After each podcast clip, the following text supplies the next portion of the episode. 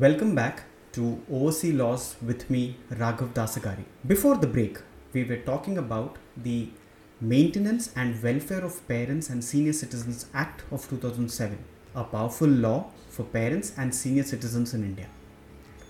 Now, I will move forward to raise questions and give you some answers on some common aspects related to this law.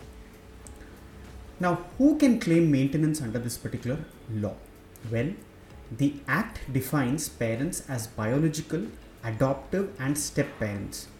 The age of parents is irrelevant to claim maintenance. The Act defines grandparents as, as including both maternal and paternal grandparents. The Act defines senior citizen as an Indian citizen who is 60 years of age or older. The Act defines children as son, daughter, grandson, and granddaughter, but does not include a minor. Maintenance includes provisions for food, clothing, residence, medical attention, attention and treatment, senior citizens, as any person being a citizen of India who has attained the age of 60 years or above, welfare as provision for food, healthcare, recreation centers, and other amenities necessary for the senior citizens, and parent as father or mother or stepmother.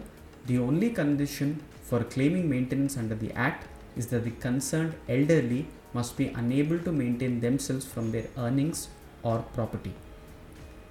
Now, who is legally obligated to pay maintenance? Adult children and adult grandchildren, both male and female, are responsible for paying maintenance to parents and grandparents. An application can be filed against one or more of them. Senior citizens who do not have children or grandchildren can claim maintenance from a relative who either possesses their property or who will inherit their property of the senior citizen after their death. The relative must not be a minor and must have sufficient means to provide maintenance. If more than one relative is entitled to inherit the property, maintenance must be paid by relatives in proportion to their share in the inheritance. Now, the next question could be how much maintenance must be paid? The Act mandates that the maximum, cent- maximum maintenance paid will be rupees 10,000 a month. The maintenance amount is determined by the needs of the claimant and the aim is to provide maintenance for, for the person to lead a normal life. As I already told you, the parliament is actively considering to remove this ceiling of rupees 10000 per month and make it open for authorities to decide based on a case to case basis. Now, where can these maintenance proceedings be filed? The application for maintenance must be filed before the maintenance tribunal in any district where the parent or grandparent or senior citizen resides or the parent, grandparent, or senior citizen has last resided or the person against whom maintenance is claimed resides. Now, how does one enforce the maintenance order? Once an order is passed by the maintenance tribunal, if the other person is ordered to pay a sum, such amount must be deposited within 30 days of the announcement of the tribunal's order. The failure to pay maintenance without sufficient reason will result in a warrant for collecting the due amount. If the person does not pay maintenance even after the warrant is executed, the person is liable to imprisonment for a maximum of one month or until the amount is paid, whichever is earlier. The application for the enforcement of maintenance must be filed within three months from the date on which it became due. Otherwise, the application will be dismissed. Protection of senior citizens.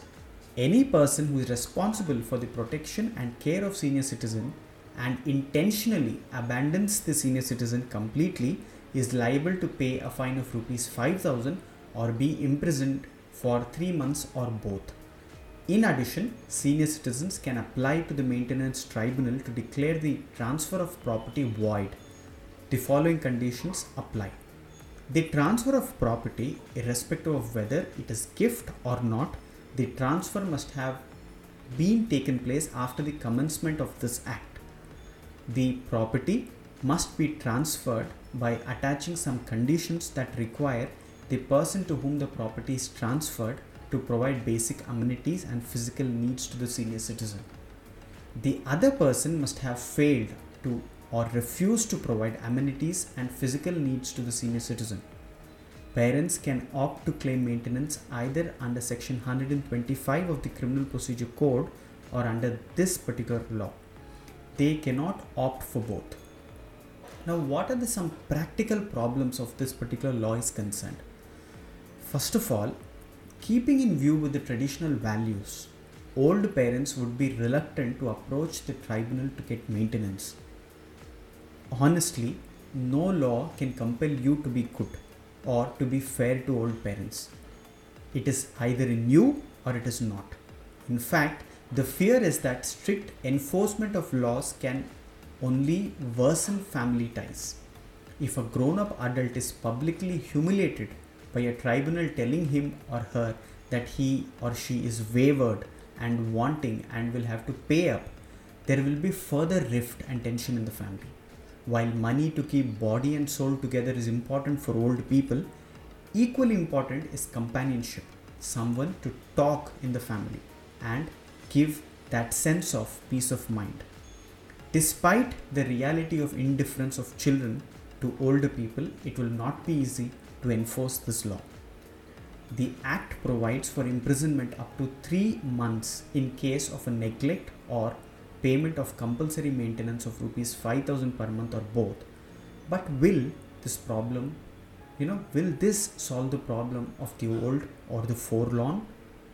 Take the case of a person who has four children. If nobody takes care of him, will all of them go to jail, including the daughters? Or take another extreme case a father is not looked after by his two sons, one of whom lives abroad. The law can send only the resident Indian to the jail, not the non resident. Moreover, the father would be happy with his NRI son who gives him an air conditioner when he visits him once in five years than the one who looks after him 365 days and even pays the electricity bills of the air conditioner. The law also does not take into account those parents who squander away their wealth on wine and other vices and expect the children to take care of them in the evening of their lives. They escape scot free. For an old man who is not looked after by their children, it will not bring food and medicine if the children are sent to jail for three months. Of course, the law has certain welcome provisions that allow parents to reclaim the property they bequeathed to their children if they do not treat them well. It also permits the aged to mortgage such property and borrow money from banks. But these provisions concern only those who have some property. When the poor leave for urban areas in search of livelihood, they are not able to take care of their parents along with them.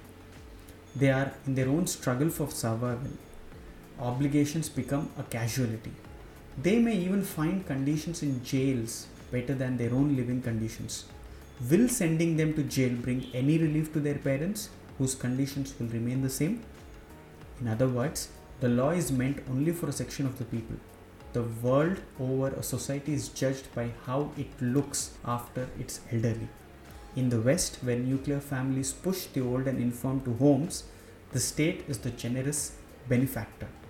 Now, I would like to give you some very important suggestions, especially when you are living abroad and have old parents back in India. I would suggest that at all times keep your visas active.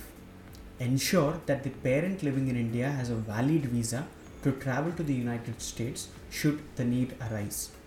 More importantly, make sure that you, a US resident, might who might have to travel to India suddenly have a valid visa at all times. If you have recently obtained a US citizenship, please apply for an Indian visa on an expedited basis or go get an OCI card. Also, I would suggest that create a joint account. Ensure that all bank accounts and other property holdings of your parents are joint with the ability to sign in either or survivor capacity. This also applies to safety deposit boxes or lockers in banks. Frequently, they are held jointly by two parents to begin with, and then become singly held upon one of them passing away. It is helpful to have an additional holder who is fully functional at all times. Next, I would suggest that establish nominees and power of attorney holders. Appoint a nominee for each account so that someone can access the accounts if the main account holder passes away. Prepare a power of attorney and, if possible, submit it with the bank. This will allow the person with power of attorney to operate the accounts, investments, and other safety deposit lockers. Check with the bank to find out if they accept a power of attorney for the account in question, what language needs to be used. Ensure that there is a general power of attorney allowing someone to handle the parent's affairs, including matters relating to real estate, which may require specific power of attorney. You may check this with your lawyer. This way, sale of houses or other property are easier to manage. Banks in India have their own rules and restrictions about who can be a signatory or a nominee or a power of attorney of an account. So consult with senior bankers or financial planners for this. I would also suggest that prepare a valid will and a living will. Make sure that there is a valid will which clarifies the property division. Also investigate the possibility of having a living will which specifies the person's wishes in terms of their health care. Since the year 2018, living will has been recognized in India by virtue of a judgment passed by the Honorable Supreme Court of India. Now, also, I would suggest that you make provisions for access to cash flow. Ensure that there is access to cash flow at all times since Indian hospitals often need significant advance payments. Check with your banks here in the US and in India about money transfers and ensure you have process in place should the need arise. I would also say that consult experts both in India and US on legal and tax implications. There may be tax implications in the US with having your name on the bank accounts or other investments in India. You may be required to file tax returns in India. Please consult a tax advisor or accountant in both places. It's a good practice to consult with a lawyer, especially with respect to estate planning and wills. In certain circumstances, it may make sense to get advice from estate planning experts both in India and in the US. Tax considerations and implications on cross border assets can be complex and extensive. And finally, my suggestions would be this particular law, which I have already told you about, that is the Maintenance and the Welfare of Parents and Senior Citizens Act in this, there is a very powerful provision, and that is if a parent during his lifetime gifts a particular property to, uh, to his uh, ch- child or any of his relatives, he can always take this property back provided he makes a provision in the transfer deed saying that the uh, the person who is accepting his property should be taking care of his parent during his lifetime and if the child neglects the parent after accepting the property, the parent has the right under this particular law to get this transfer revoked by the authorities. So, this is a very, very powerful provision. If it is properly used, it is a great weapon in the hands of parents to ensure that their children give them their due respect and also take care of their interests during their lifetime.